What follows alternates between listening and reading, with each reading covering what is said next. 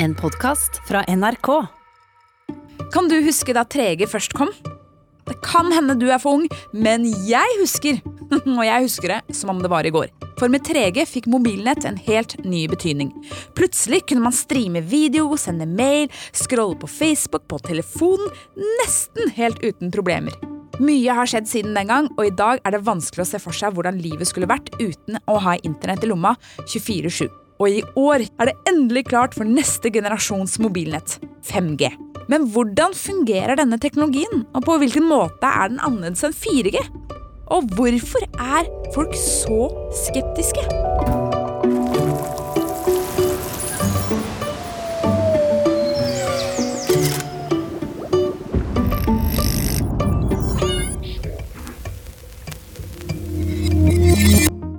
Hei og hjertelig velkommen til en ny episode av Smartere på ti minutter, der jeg, Selda, forteller deg om fakta, vitenskap, historie og andre morsomme temaer som gjør deg nettopp det, litt smartere på bare ti minutter.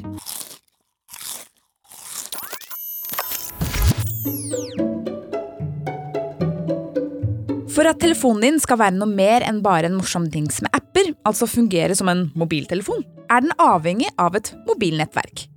Mobilnettet består av tusenvis av basestasjoner, eller radiomaster rundt om i landet. Hver av disse mastene dekker et gitt område som kalles celler, ergo cellphone på engelsk. Så når du ringer til noen, sendes radiobølger fra din telefon til nærmeste basestasjon. Altså basestasjonen i den cellen du befinner deg i. Denne stasjonen sender deretter dette signalet til en hub. Huben finner og kobler seg til den basestasjonen som er nærmest den du ringer til. Basestasjonen ringer opp mottakerens mobil, og vips, samtalen er i gang. Ahoi, hoi!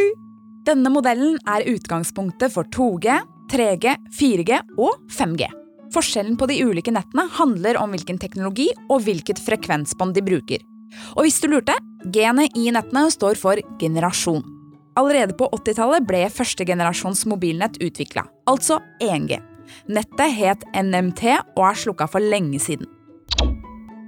På starten av 90-tallet kom 2G, også kjent som GSM-nettet. Dette var hovedsakelig kun utvikla for tale, men hadde også muligheten til å bruke mobildata. Den muligheten fins fortsatt, og du kjenner det som edge. Altså det lille e-ikonet man får når nettet er skikkelig dårlig og nrk.no bruker 100 år på å åpne seg. På midten av 2000-tallet så kom 3G og snudde hele sjappa på hodet.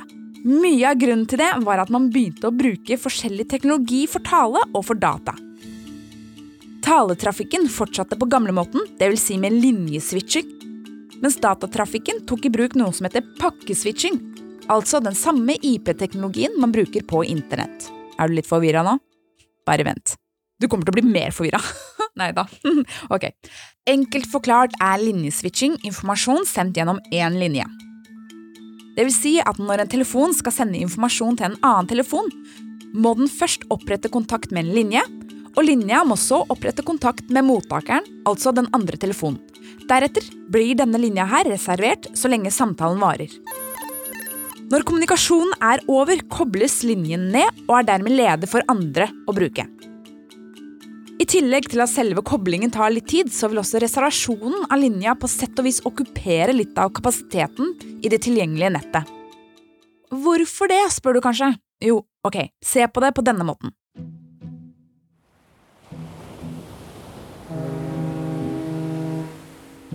Jeg befinner meg på den fiktive øya Skyggenes og har veldig lyst til å reise med bil over til øya Solnes. Mellom disse to øyene er det ti bilferger. Men hver ferge har bare kapasitet å la én bil være med over sundet om gangen.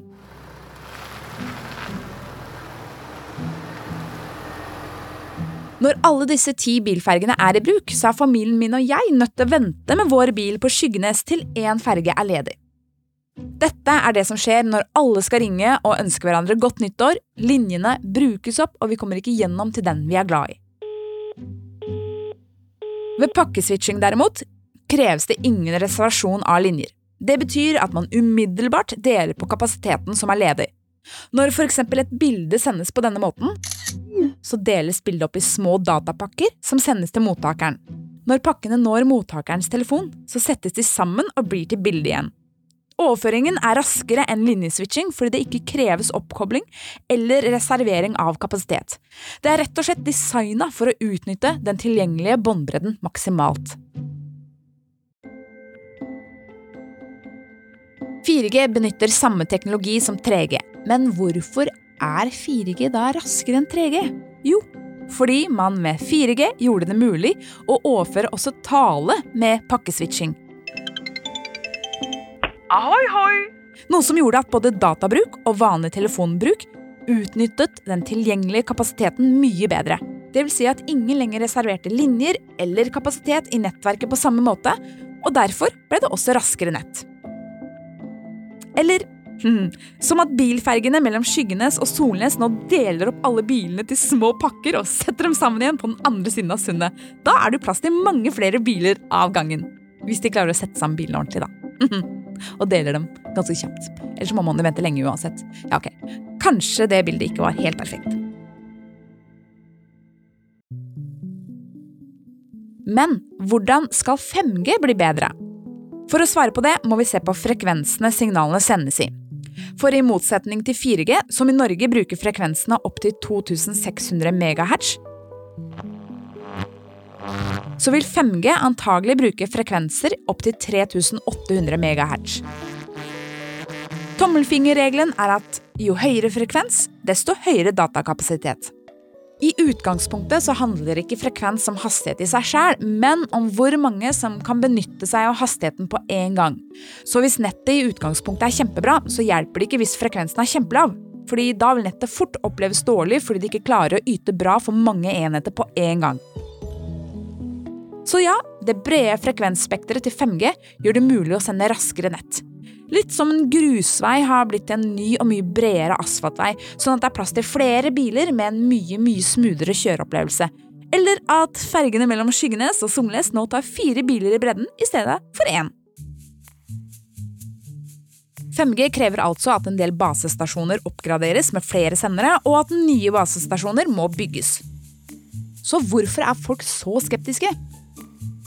I kjølvannet av covid-19 så har det nemlig florert med teorier om at 5G senker immunforsvaret, står bak koronaviruset og er ansvarlig for massedød blant fugler og insekter. Og folkens, dette stemmer. Nei da, hør på dette. Protestene er ikke news. Helt siden utbyggingen av 3G-nettet så har det vært flere som har hytta med nevene, og nevehyttingen har tatt seg opp med 5G. Skeptikerne mener at strålingen er farlig, og at det mangler forskning som kan dokumentere farene den kan forårsake. Bare i Norge er mange tusenvis medlemmer av Facebook-grupper som sprer disse teoriene, og i England finnes det flere tilfeller av at folk har angrepet og satt fyr på nyinstallerte 5G-tårn. Er det det skattepengene mine går til? Bygge 5G-tårn for femte gang? Disse gruppene mener at strålingen er for høy og dermed vil overgå kroppens grenseverdi. Vil si at strålingen, litt som i en mikrobølgeovn, vil varme opp kroppen, og at dette kan få alvorlige helsekonsekvenser som hjerteslag og brannskader. Altså, jeg skjønner at de friker litt ut. Men så kommer det store spørsmålet. Er det egentlig farlig? Svaret, basert på den forskninga vi har i dag, er et tydelig nei. Og forskninga er heldigvis ikke så laber, slik konspirasjonsteoretikerne påstår. Ifølge faktisk.no så kartla Direktoratet for strålevern og atomsikkerhet og Nasjonal kommunikasjonsmyndighet styrken på radiofrekvente felt i Norge i 2010. De så på felter rundt sendere av trådløse datanettverk for internett, basestasjoner, kringkastingssentre samt sendere i nødnett. Resultatet viste at feltene hadde en styrke fra under en hundredel til en tusendel av de grenseverdiene motstanderne påstår at de overskrider. Det samme direktoratet foretar kontinuerlige målinger og skriver på sine nettsider at de følger nøye med på strålinga fra den nye 5G-teknologien som testes ut i Norge. De konkluderte i januar 2019 med følgende. Det er ikke grunn til å bekymre seg for at 5G er helsefarlig ut fra den kunnskapen vi sitter på i dag. Så når alt kommer til alt, så handler det egentlig om hvem man skal stole på. Jeg tenker at du burde være kritisk til alt du leser og hører, og så må du sjekke kildene.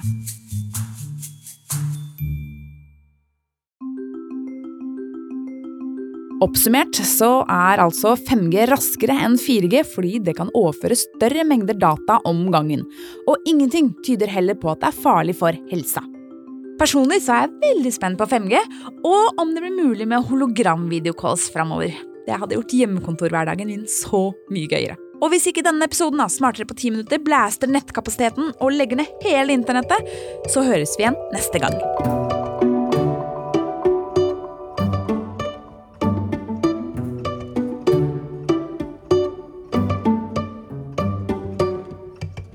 Du har hørt en podkast fra NRK. Hør flere podkaster og din NRK-kanal i appen NRK Radio.